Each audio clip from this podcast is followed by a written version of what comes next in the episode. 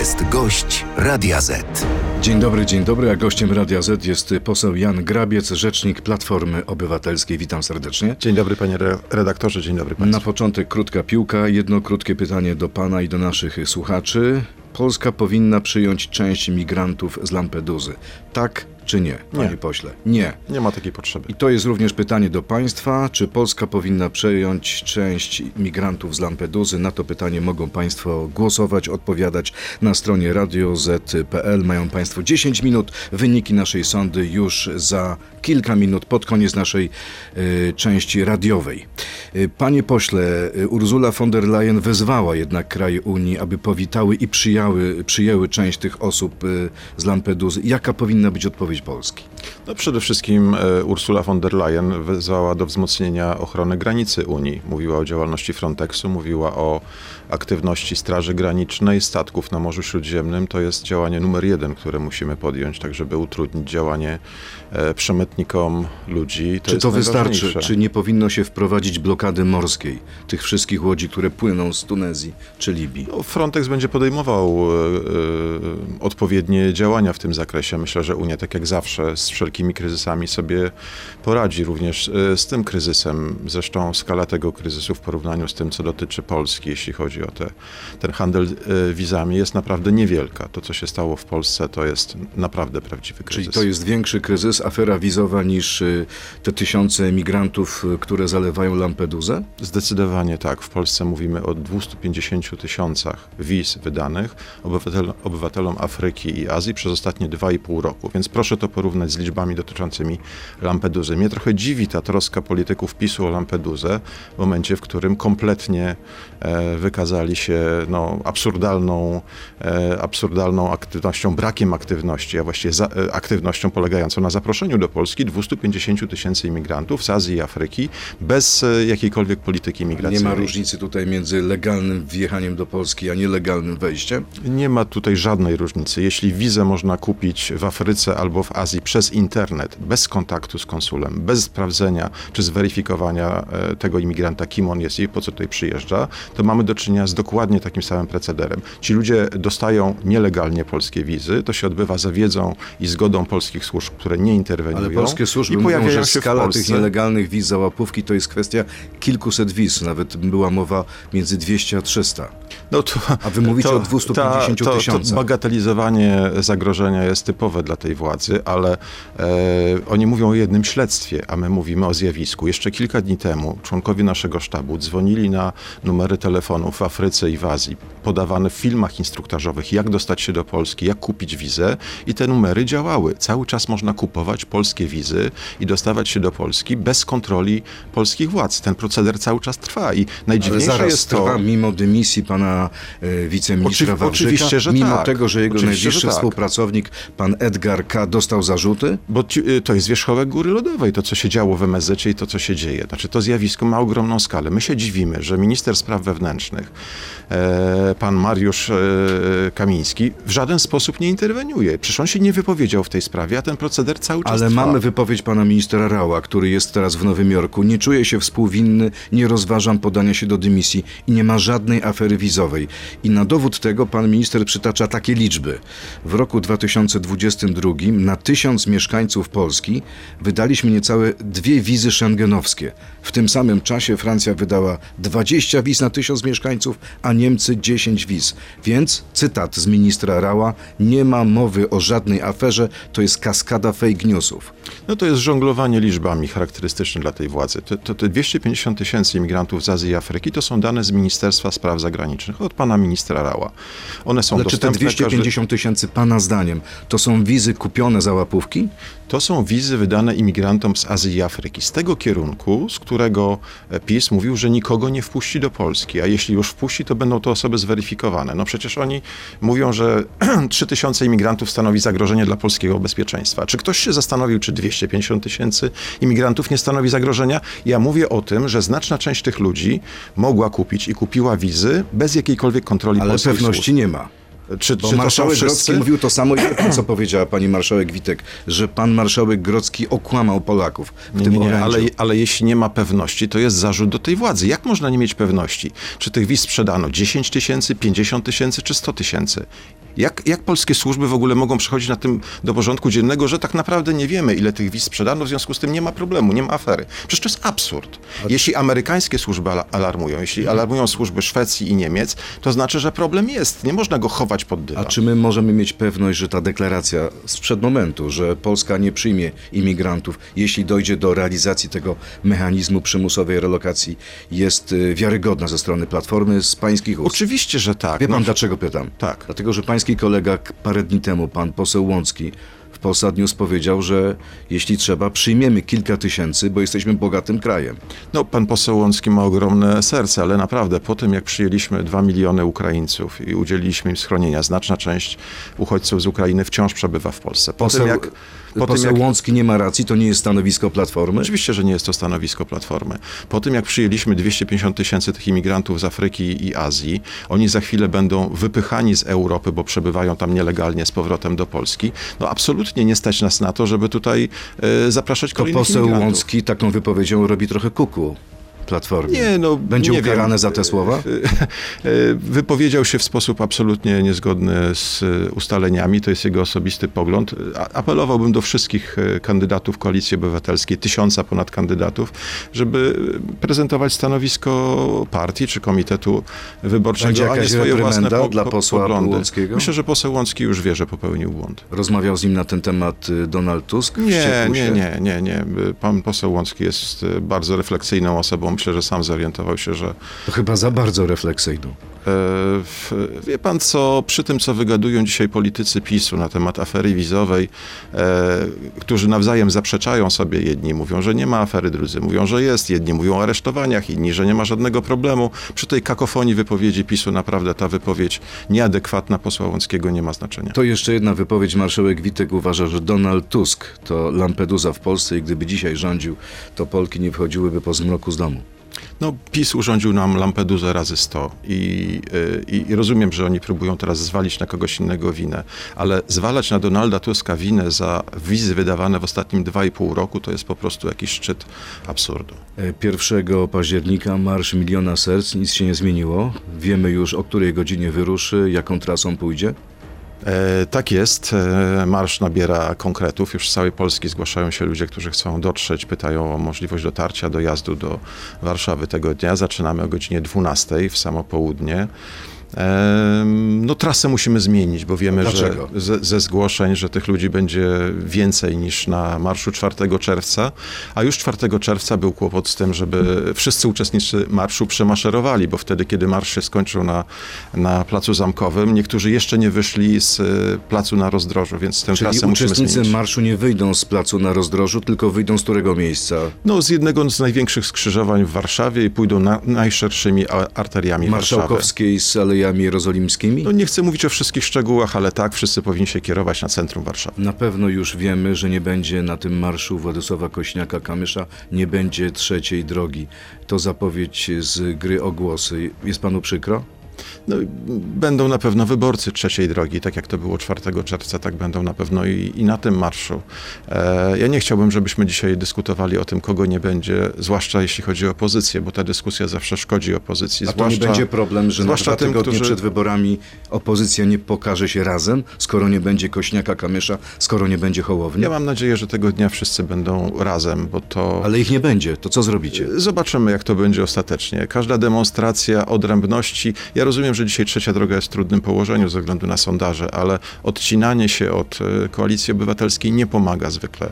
E, Myślę, że e, analitycy, jeśli chodzi o sondaże trzeciej drogi, będą w stanie podpowiedzieć, że zawsze, kiedy trzecia droga staje w kontrze do koalicji obywatelskiej, spada zaangażowanie wyborców. I Czyli- trzeciej drogi koalicji obywatelskiej nie warto iść tą drogą. Sądzi pan, że ta decyzja Kośniaka-Kamysza i Hołowni pogrąży trzecią drogę, jeśli chodzi o notowania? Nie, ja jestem przekonany, że 1 października będziemy razem. Nawet jeśli nie obok siebie, to będziemy razem. To teraz krótka piłka, część druga, odsłona końcowa.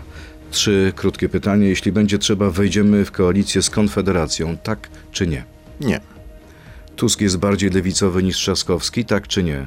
nie, Platforma nie przetrwa już kolejnej porażki, tak czy nie? nie, nie będzie porażki.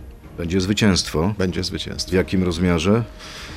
Wystarczającym, żeby utworzyć rząd e, z demokratyczną większością. Mamy też rozmiary naszej sądy, wyniki naszej sądy. Czy Polska powinna przyjąć część migrantów z Lampeduzy? Zdecydowana większość uczestników naszej sądy, 86% na ten moment uważa, że nie. Tylko 14% uważa, że tak. Jan Ale może- Grabiec, może- rzecznik Platformy Obywatelskiej jest gościem Radia Z. Przechodzimy do internetu, tam gorący Bardzo chętnie, komentarz bardzo do chętnie. tej sądy naszego gościa. Zapraszam. To jest gość Radia Z. Powtórzmy jeszcze raz, 86 kontra 14%. Jak pan to skomentuje? Tak, 86% zgadza się z naszą opinią, naszym zdaniem, ale najważniejsze jest to, że nikt od nas nie oczekuje w Europie, że będziemy przyjmować jakichkolwiek uchodźców. Czy z A mechanizm Lampeduzy- tej przymusowej relokacji? No właśnie nie ma przymusowej relokacji. PiS kłamie, politycy PiSu kłamią. Unia Europejska nie wprowadza żadnej przymusowej relokacji. E, nas w ogóle ten mechanizm nie dotyczy. Tak wypowiedziały się, wypowiedzieli się politycy, Ale przedstawiciele pan, Komisji że, żeby Europejskiej. ten mechanizm nie dotyczył Polski, potrzebna jest decyzja Komisji Europejskiej. Nie, potrzebne jest tylko... e, Wystarczy deklaracja rządu? Wysta- wystarczy deklaracja. Przecież te przepisy, te ustalenia są w trakcie e, dopiero redakcji ostatecznej. To nie jest obowiązujący dokument, który ma moc prawną w Europie. Natomiast nawet gdyby to w jakimkolwiek stopniu dotyczyło Polski, to możliwe są trzy drogi udziału w tym mechanizmie dobrowolnym, e, dobrowolnym rozwiązywania kryzysu e, migracyjnego. E, poza e, relokacją, która jest dobrowolna, mamy możliwość wzmacniania granicy Unii i to przecież robimy i na polskiej granicy i polscy, Polska Straż Graniczna uczestniczy też w tych misjach na Morzu Śródziemnym i mamy możliwość działania, jeśli chodzi o tworzenie zaplecza. To dotyczy głównie bogatszych krajów Unii, które powinny poczuwać się do tego, żeby nie zostawiać na przykład Włoch samych sobie, że oni sami mają zajmować się tymi Ale jak to nie obowiązywać będzie ten mechanizm, że jeśli nie bierzecie, to płacicie? Oczywiście, że nie. euro? Oczywiście, że nie. Wystarczy na przykład wzmocnić y, obronę granicy. To jest ta trzecia forma udziału w tym mechanizmie. y, Nie boi się pan, że ostateczna decyzja jednak będzie należała do Unii Nie, Europejskiej, więc Polska nie będzie miała że nie. 100% wpływu na tą decyzję. Oczywiście, że nie. Nie ma takiej możliwości, żeby tego rodzaju decyzje podejmowała, nie wiem, Komisja Europejska. Przecież to jest, efekt, to jest wszystko przedmiotem uzgodnień i między premierami, i w Parlamencie Europejskim, i na koniec w Komisji Europejskiej. Nie ma takiej możliwości, żeby ktokolwiek, jakiekolwiek państwo Unii było do czegokolwiek zmuszane w tym zakresie. E, Panie pośle, zaraz po orędziu minister Ziobro wystąpił w TVP i oświadczył, że marszałek Grodzki ordynarnie wymuszał łapówy od chorych pacjentów, a teraz kryje się za immunitetem. E, Czy marszałek, czy Platforma wytoczy proces w trybie wyborczym ministrowi Ziobrze? No to jest kwestia oczywiście ocena prawników, ale minister Ziobro sprytnie ślizga się, jeśli chodzi o tego rodzaju zarzuty, żeby uniknąć procesu w trybie wyborczym. Widzi pan ślizganie? Ordynarnie wymuszał łapówy od chorych pacjentów. No to jest mega oskarżenie. On się będzie zasłaniał e, pracą swojej prokuratury, która nie potrafi postawić żadnego zarzutu, a jednocześnie od lat rzekomo analizuje jakieś rzekome łapówki. Fakty są takie, że e, kiedy opozycja wygrała wybory w Senacie. Mieliśmy 51 senatorów. PiSowi bardzo zależało na tym, żeby złamać tą solidarność i przejąć Senat. I pan marszałek Grodzki jeszcze jako zwykły senator otrzymał propozycję od PiSu zostania ministrem zdrowia. Odmówił, został marszałkiem Senatu i chwilę później uruchomiono ten przemysł pogardy, stawiając zarzuty tej samej osobie, którą PiS chciał powołać na ministra Czyli zdrowia. co, PiS sfabrykował tych wszystkich świadków, których przesłuchała Znaczy, prokuratura? Jak, jak znam Wymyślił ich sobie? Nie, no, świadkowie byli przesłuchiwani, ale z tego co wiem, to żadnych zarzutów z tego nie ma. E, to, To jest to, wniosek o uchylenie immunitetu panu marszałkowi. No ale to, te wnioski można dzisiaj postawić każdemu politykowi opozycji. W Rosji czy na Białorusi dzieje się tak samo. Władza stawia zarzuty wszystkim opozycjonistom. Czyli Na, na ogół y, zarzuty dotyczące kwestii kryminalnych. Zresztą z tych powodów chociażby Nawalny siedzi, siedzi w więzieniu nie z powodów rzekomo politycznych, tylko kryminalnych. To jest metoda tamtej wschodniej marszałek, władzy. y, y, to inaczej, czyli raczej nie będzie procesu w trybie wyborczym za te słowa Y, y, Prawnicy ministra to analizują. Jeśli to będzie podpadało pod te kryteria procesu wyborczego, to proces będzie, ale y, nam... Ale na dzisiaj raczej nie. y, Myślę, że to bardziej jest kwestia procesu w trybie ochrony dóbr osobistych. No ale to, to nie jest tryb wyborczy, czy to nie jest szybki werdykt, to jest oczywiste. Oczywiście, że tak, ale myślę, że ludzie mogą ocenić tę sytuację. Jeśli PiS ma władzę od 8 lat, jeśli od 4 lat stawia te zarzuty marszałkowi Grodzkiemu, e, no to widać, że to wszystko jest dęte, bo, bo gdyby były jakiekolwiek fakty, to już dawno one byłyby wypakowane nieoficjalnie w mediach pisowskich. A czy wytoczycie nie proces w trybie wyborczym panu ministrowi Błaszczakowi za to, że odtajnił, jak mówi, część dokumentów z waszych czasów i z nich wynika, że minister Klich zatwierdził plan obrony Polski dopiero na linii Wisły? Za odtajnienie ściśle tajnych dokumentów w celach wyborczych grozi Trybunał Stanu. To jest odpowiedzialność, którą poniesie e, minister Błaszczak. Nie Minister Błaszczak pod Trybunał? Przed Dokładnie Trybunał? tak, dokładnie tak. Tego będziecie się domagać w nowej kadencji? Tego będziemy się domagać, taki wniosek przygotujemy. Nie, nie ulega wątpliwości, że to, co zrobił minister Błaszczak, jest absolutnym przekroczeniem jakiejkolwiek granicy takiej troski o polskie państwo. Te dokumenty, które odtajnia minister Błaszczak, to są dokumenty przygotowane przez Sztab Generalny Wojska Polskiego. On stawia dzisiaj zarzuty polskim generałom, polskim wyższym oficerom e, zdrady. Niedawno zarzucał polskim najważniejszym generałom to, że kłamią w sprawie rakiety, która wylądowała pod Bydgoszczą i Błaszczak rzekomo o tym przez cztery miesiące nie wiedział, jako minister obrony narodowej. Teraz stawia zarzuty e, zdrady, narażenia na szwank e, polskich interesów najważniejszym polskim generałom. Czyli pana zdaniem takie kompletnie- dokumenty nigdy nie powinny ujrzeć światła dziennego? Takie dokumenty nie powinny ujrzeć światła dziennego. Jeśli byłoby tam cokolwiek, co wymagałoby postawienia zarzutów, to przecież mieli na to 8 lat. Oni te dokumenty znają od 8 lat. Co więcej, ten zarzut powtarzają co najmniej od roku 2015. Ja to słyszałem tysiąc razy. Ale po, posługiwanie się dokumentami, które powstają w porozumieniu z NATO, no stawia Polskę dzisiaj jako kraj kompletnie niewiarygodny, jeśli chodzi o sojusz NATO. Jak można wewnętrzne dokumenty obronne tej czy innej rangi ujawniać w ramach kampanii wyborczej? To co, za chwilę dokumenty, które NATO do nas przesłało dotyczące strategii obronnej PiS ujawni w kampanii wyborczej, jak będzie to dla nich wygodne? Zna pan generała Skrzypczaka? Oczywiście, że Bardzo znam dobrze. generała Skrzypczaka. To jest człowiek, który za waszych czasów przez y, jakiś czas był dowódcą wojsk lądowych, potem był doradcą ministra Siemoniaka i on uważa, że ta dyrektywa dotycząca obrony Polski na linii Wisły została wymyślona przez polityków, a nie wojskowych, którzy nigdy nie skonsultowali tego z dowódcami i co więcej w ogóle tego wojska nie słuchali. Ze strony generała Skrzypczaka, który Nie, no, to był absurd. Znaczy, ja czytałem że, czytałem, że generał Skrzypczak zarzucił zdradę e, No tak, to- ministrowi Błaszczakowi. Ale, ale powiedział, To również jest- to, co, to, powiedział to, co również co zacytowałem. No, Nie znam tego cytatu. Wiem, że generał Skrzypczak, że sztab generalny decydował o tego rodzaju e, ustaleniach. Wiem, że warianty są różne. No tak jak zwykle w wojsku. Można zaplanować, że drugiego dnia potencjalnej wojny ze wschodem będziemy otaczać Moskwę. Owszem, może tak, takie plany e, oczekuje od polskiego wojska minister Błaszczak, ale trzeba poważnie traktować armię. Wiem, że nasi, e, e, nasi ministrowie obrony narodowej załatwili dla Polski coś bardzo ważnego. Coś, czego nie potrafił załatwić premier Kaczyński wcześniej e, z rządem PiSu, a mianowicie wprowadzenie do planów ewentualnościowych NATO tego, że w momencie, kiedy Polska będzie zaatakowana, natychmiast wojska NATO zostaną przerzucone do Polski. To zostało wpisane do dokumentów natowskich dzięki staraniom e, polskich, polskich władz. E, naprawdę, znaczy to, co się wydarzyło, będzie miało ogromne skutki, to, co zrobił minister Błaszczak. To naprawdę jest zdrada munduru polskiego, to jest zdrada polskiego wojska, to jest zdrada polskiej racji stanu. A generał Polko, były szef Gromu i były szef BBN-u, mówi, że taka dyrektywa powstała dlatego, że likwidowaliście jednostki wojskowe. Nie, no to jest absurd. Znaczy to jak dzisiaj y, stan polskiego wojska zawodowego jest bardzo podobny, jest na tym samym poziomie co w 2015 roku. To można porównać, wiedzą to fachowcy, wiedzą to żołnierze, którzy dzisiaj służą, oficerowie, którzy dzisiaj służą w armii. Ale to, minister to jak, Błaszczak cały czas mówi, że mamy kilkadziesiąt tysięcy żołnierzy to, więcej. to ja powiem, jak te, te, ci żoł- żołnierze są namnażani. Na przykład słuchacze e, e, podchorążówek po pierwszym roku studiów stają się żołnierzami. To jest kwestia czystej statystyki. Czyli to jest Na fikcja, przykład, tak? Te- te to jest, liczby. To jest fikcja. Na przykład cywilni pracownicy wojska po trzymiesięcznym kursie zostają oficerami. No jak można w ten sposób udawać, że stan sił obronnych polskiej armii rośnie? Ja powiem jeszcze jedno. Znaczy, bo Błaszczak i PiS wprowadził bardzo niebezpieczny mechanizm polityzacji wojska. Mianowicie kandydaci PiSu, posłowie, samorządowcy w ciągu ostatnich ośmiu lat zabiegali o to, żeby jednostki wojskowe umieszczać w ich miejscowościach na terenie ich okręgów wojskowych. I co robiono?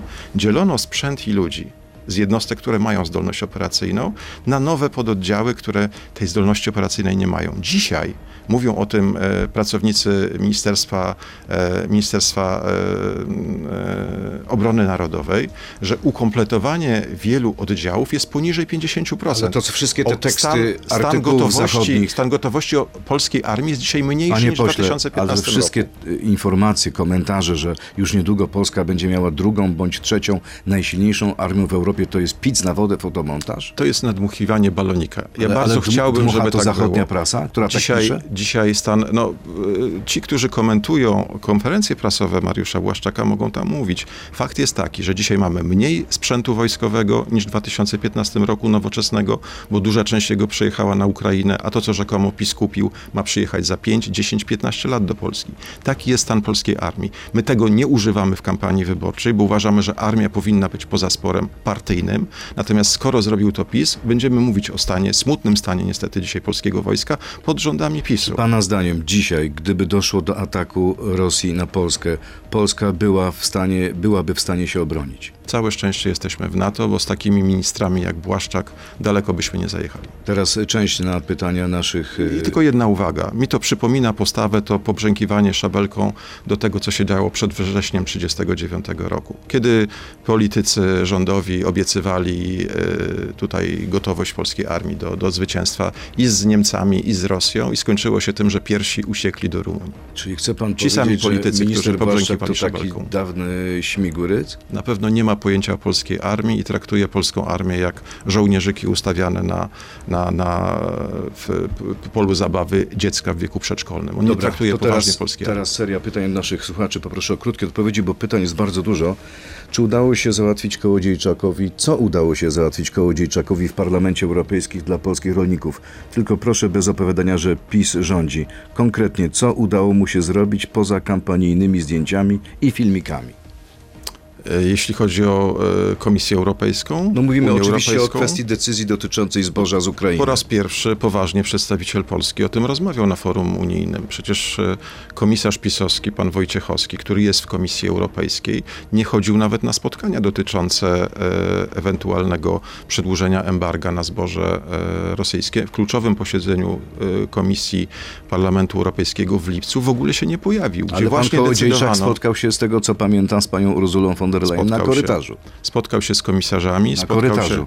E, no, Wojciechowski w ogóle nie przyszedł na spotkanie. Taka jest różnica. Ten, któremu płacimy za to jako podatnicy europejscy, żeby reprezentował również polskich rolników Komisji Europejskiej, nie miał czasu zająć się tą sprawą. Panie pośle, jak wygląda kolejne pytanie, oficjalny program Koalicji Obywatelskiej dla rolników? Bo mamy dużo sprzeczności między Zielonymi a Agrounią. Nie, nie wiem, czego dotyczą te sprzeczności. No, bardzo ważne jest to i bardzo ważna jest ochrona polskiej żywności. To jest podstawowy warunek funkcjonowania nowoczesnego Nie ma tu rolnictwa. żadnych sprzeczności między Partią Zielonych, która jest w waszej koalicji, a Nie, jeśli- Michałem Kołodziejczakiem? Jeśli wejdziemy w szczegóły, to te e, różnice będą, ale jesteśmy koalicją, a nie jedną partią, właśnie dlatego, że odcienie programowe partii koalicyjnych się różnią, ale program wspólny mamy ustalony i to, co jest w stu konkretach Koalicji Obywatelskiej, akceptują zarówno Zieloni, jak i e, Michał Jeden konkret dla rolników ze strony Koalicji Obywatelskiej. Jeden konkret. To jest kwestia ochrony polskiego rolnictwa, jeśli chodzi o sprzedaż polskich produktów rolnych w polskich sklepach, nawet jeśli są prowadzone przez zagraniczne koncerny, które hulają pod rządami PiSu po Czyli prostu taka wasza lokalna półka. bez żadnego problemu. Nie, no my to wcześniej ogłosiliśmy niż PiS, to, to warto o tym mówić, zresztą Michał Kołodziejczak mówi o tym od lat, że dzisiaj te markety, które są sieciami e, z obcym kapitałem, dyktują warunki polskim rolnikom, a powinno być odwrotnie. Niestety e, podczas rządów PiSu e, zabito dziesiątki tysięcy polskich sklepów i wzrosła siła marketów. To trzeba naprawić. Tutaj jest rażąca dysproporcja sił na rynku i to e, musimy e, To dobrze, że zniwelować. po tej decyzji piątkowej Unii Europejskiej rząd sam podjął decyzję o embargu na zboże rosyjskie. No w tej E, chwili- Przepraszam, ukraińskie. W tej chwili nie mamy żadnego wyjścia. No te wszystkie umowy podpisywane przez Morawieckiego przed rokiem odbiły się Polsce cz- czkawką. To przecież Mateusz Morawiecki, premier, zapraszał zboże ukraińskie do Polski, podpisywał umowy ze stroną Trzeba było ukraińską. wtedy się nie zgadzać, nie Zapewniał- pomagać Ukraińcom? Trzeba było wtedy zapewnić bezpieczeństwo polskim rolnikom, e, zabezpieczając tranzyt. A oni otworzyli granice i to zboże napłynęło do Polski bez jakiejkolwiek kontroli. Zresztą sami, sami znajomi polityków PiSu wiedzą, Mówimy tutaj o konkretnych firmach, które powstały tego, handlowały tym zbożem. Dokładnie jak z wizami. Ten sam proceder. Oficjalnie mówią, że bronią polskich rolników, a handlują ukraińskim zbożem na całego. Kolejne pytanie a propos tego, o czym pan już mówił, o marszu 1 października. Czy podczas tego marszu przewidziany jest czas na wystąpienia liderów innych partii opozycyjnych i czy otrzymali oni oficjalne zaproszenie na marsz? O szczegółach będziemy rozmawiać z liderami. Donald Tusk zaprosił wszystkich, którzy chcą zwycięstwa opozycji. Ale zadzwonił. Do nich, czy to było takie publiczne nie, nie, zaproszenie? Nie będziemy o tym mówić w mediach. E, marsz jest otwarty dla wszystkich. Naprawdę Ale czy proszę będą telefony Donalda Tuska do Włodzimierza Czarzastego Ja mogę przykład? powiedzieć, jak to było 4 czerwca. 4 czerwca wszyscy liderzy byli zaproszeni do zabrania głosu. A skoro dzisiaj Władysław Kosiniak-Kamysz mówi, że go nie będzie na marszu, to Donald Tusk wykona jeszcze jeden telefon, czy Ja mam, nie? mam nadzieję, że będziemy naprawdę solidarni 1 października bez względu na to, kto, kto gdzie będzie, chociaż ideałem byłoby to, żeby liderzy opozycji stanęli obok siebie. Czyli chcielibyście, żeby na scenie liderzy To są- opozycji stanęli. To są delikatne kwestie, to kwestie decyzji. Na czym polega ta delikatność? E, na tym, że nie chcemy nikogo zmuszać do decyzji poprzez media. Ale Włodzimierz Czarzasty kilka dni w tym studiu chciał tego. Mówi, Donald Tusk jest y, y, organizatorem, czekam na jego zaproszenie. To jest tak, jak ktoś zaprasza kogoś na swoje imieniny. Na pewno nie będziemy rozmawiać przez media, na pewno nie zaprasza się na imieniny przez radio. E, Czyli a pakt y, sejmowy będzie zawarty przed wyborami, czyli deklaracja wspólnych rządów, o to zabiega Lewica. My jesteśmy gorącymi, gorącymi zwolennik, zwolennikami potwierdzenia tego, że ugrupowania opozycji demokratycznej będą tworzyć wspólny rząd i to od początku. Od, Ale paktu od, nie e, chcecie podpisać. Dlaczego? Nie, no pakt ma sens wtedy, kiedy wszyscy go podpiszą. Od początku, od wystąpienia e, e, pana Czarzastego w tej sprawie, pana przewodniczącego, mówimy, że, że to jest e, rzecz, która jest dla nas oczywista. No ale oczywiste, ale go nie podpisujecie. Dlaczego? Nie no, pakt musiałyby podpisać wszystkie Co ugrupowania. nie chcą? inaczej, inaczej Trzecia droga nie chce podpisać? To, to jest pytanie do liderów każdej z formacji politycznych. Dla mnie jest niewątpliwe, znaczy nie wyobrażam sobie innej sytuacji, jak to, żeby 15 minut po ogłoszeniu wyników o zwycięstwie e, Koalicji Obywatelskiej, opozycji demokratycznej, żeby liderzy tych ugrupowań nie usiedli, nie ustalili e, utworzenia wspólnego rządu. To jest tak naturalne, jak to, że chcemy zwycięstwa w tych A wyborach. jak będzie porażka? Jak okaże się, że siły opozycji nie mają większości, to co wtedy zrobicie?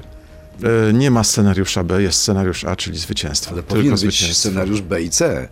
Polityk powinien rozważać wszystkie Scenariusz warianty. A, B i C to zwycięstwo opozycji demokratycznej. Jesteśmy tego bardzo, bardzo blisko. Bardzo blisko. Wyniki prawyborów w Wieruszowie rzeczywiście dają wam nadzieję, bo wygrała je Koalicja Obywatelska. No ale jest średnia sondażowa, która nie daje wam już e, tak dobrych wiadomości. W tej średniej sondażowej PiS jest przed wami 5-6 punktów procentowych. Myśli pan, że to uda się zniwelować do wyborów? I czy najlepszym pomysłem nie byłoby na tego kopa wystawienie Trzaskowskiego na kandydata na premiera? Różnica sondażowa jest do zniwelowania. Takie było założenie strategiczne tych, tych naszych dwóch lat ostatnich, jeśli kampanię wyborczą, żeby zbliżyć się na tę odległość e, przed kampanią wyborczą. No i zbliżyliście, bo przed wakacjami, na tego początku rodzaju wakacji, zmiany- byliście bardzo blisko PiSu. Co się stało przez te ostatnie tygodnie, że jesteście niżej? Ci, którzy śledzą sondaże, wiedzą, że plus 3, minus 3 to jest kwestia nawet jednego tygodnia, więc wszystko jest przed nami. Myślę, Nie że planujecie takiego, takiej niespodzianki w postaci sytuacji, że Donald Tusk wychodzi na konferencję prasową i mówi kochani, chciałbym, żeby kandydatem na premiera był jednak Rafał Trzaskowski? Planujemy różne niespodzianki, natomiast e, niepodzielnie liderem Koalicji Obywatelskiej jest Donald Tusk. Mówią o tym e, też nasi badani we wszystkich badaniach i ci niezdecydowani, i ci, którzy chcą głosować na Koalicję Obywatelską, że jest e, ewidentnym liderem, Czyli nie przyniosłoby wam to Ale- żadnego efektu? ale jednocześnie bardzo nas cieszy to, że Rafał Trzaskowski zaangażował się na 100% w tę kampanię i niewątpliwie jego aktywność przyniesie również głosy Koalicji Obywatelskiej. Ale ostatnia aktywność prezesa Kaczyńskiego jest zwrócona w kierunku Rafała Trzaskowskiego. Bardzo często o nim się wypowiada. Czyli co, sztab pisma jakieś wiewiórki w waszym sztabie i coś wie o tym, że coś będzie z Trzaskowskim się działo? No boją się tego wariantu, boją się, że może się okazać, że Platforma dokona jakiejś zmiany. Oni bazują na tym, że od 8 lat opluwają Donalda Tuska. Jeśli chodzi o Rafała Trzaskowskiego, był on tematem również e, mediów rządowych, ale w dużo mniejszym stopniu, więc starają się na wszelki wypadek zaatakować również Rafała Trzaskowskiego, ale Czyli zmiany nie będzie. widać, widać że e, nie mają pomysłu na pozytywną kampanię, że skupiają się na tym, żeby atakować przeciwników politycznych, co dla partii, która rządzi 8 lat jest dosyć dziwne, Jeszcze że jedno- nie potrafią nic Jeszcze zaprezentować. kilka pytań, panie pośle, na koniec. Dlaczego nie mówicie już o czterodniowym tygodniu pracy? Wycofujecie się z tego pomysłu? Nie, powiedział o tym Donald Tusk, że taki pilotaż jest potrzebny i podtrzymujemy oczywiście te, te, to, to zdanie. Jakie nowe podatki lub ewentualnie które podatki zostaną podniesione, żeby sfinansować program Koalicji Obywatelskiej? Podatki będą obniżone, natomiast finansowanie problemu wskazujemy na to bardzo wiarygodnie. Poza 770 miliardami złotych, które z Unii Europejskiej dziś są zablokowane, które trafią do Polski na bardzo różne cele, od ochrony zdrowia po inwestycje czy kwestie społeczne, to jest kwestia po prostu oszczędności. E, Kiedy zatrzyma się tę kradzież, jak mówiła premier Szydło, wystarczy mniej kraść i naprawdę miliardy będzie więcej w budżecie. Zresztą po raporcie NIK-u ostatnim dotyczącym kilkunastu miliardów, które zostały wyprowadzone z pieniędzy państwowych przy okazji e, COVID-u, przy okazji e, tamtych akcji ze strony PiSu, widać, że rzeczywiście ta władza kradnie w miliardach. To nie jest kwestia milionów czy setek milionów. A propos marszałka Grodzkiego, kiedy profesor Grodzki stawi się przed sądem i odpowie na zarzuty stawiane przez jego byłych pacjentów? Ja, ja nie znam zarzutów stawianych przez byłych pacjentów, znam zarzuty stawiane przez polityków PiSu. E, Pan marszałek Grodzki, Grodzki mówił bardzo wyraźnie, że e, stawi się e, na wezwanie niezależnej prokuratury, niezależnego sądu w każdej chwili. Ile ministerstw, jakich, jakie zamierza oddać przyszłemu koalicjantowi Konfederacji Koalicja Obywatelska? Nie planujemy koalicji z Konfederacją i nie dzielimy skóry na niedźwiedziu. To Ale byłoby to? absurdalne, gdybyśmy dzisiaj rozmawiali gdzieś tam w- wewnątrz o Niedawno w. Polsacie mówił pan o tym, że pomysły Konfederacji są interesujące i nie ma nic przeciwko temu, żeby porozmawiać z nimi na temat stworzenia rządu mniejszościowego. Oj nie, tak nie mówiłem. Mówiłem o tym, że kwestia uproszczenia podatków obecna w programie Konfederacji jest taką ciekawą, ciekawą kwestią. Nie zamierzamy tworzyć rządu koalicyjnego, natomiast myśli, musimy myśleć o wyborcach To Konfederacji. ja zacytuję pana z tego Bardzo wywiadu. proszę. Czasem konfederaci mają ciekawe pomysły, chociażby dotyczące reformy podatkowej. Tu zgoda.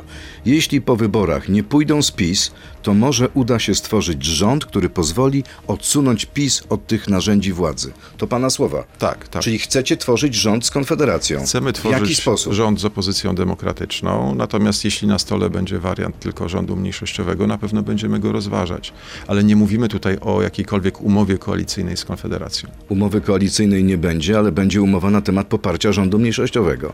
Nie rozmawiamy w tej chwili na ten temat, nie prowadzimy w tej sprawie żadnych rozmów, ale musimy brać pod uwagę każdy wariant. Znaczy, ogromną wartością dla Polski dzisiaj jest odsunięcie tego złe- złego rządu od władzy i dokonanie radykalnej e, oceny tego, co się stało w różnych dziedzinach życia. To jest kwestia niezależnej prokuratury, to jest niezależna mediów, e, kwestia niezależnych mediów publicznych. Jeśli Konfederacja będzie popierała tego rozwiązania, na pewno skorzystamy z tych głosów. Natomiast istotą jest to, żeby dokonać e, odcięcia tej, tej e, pępowiny, jaką PiS podłączył pod polskie państwo, żeby e, dalej polskie państwo nie było dojone przez tą partię.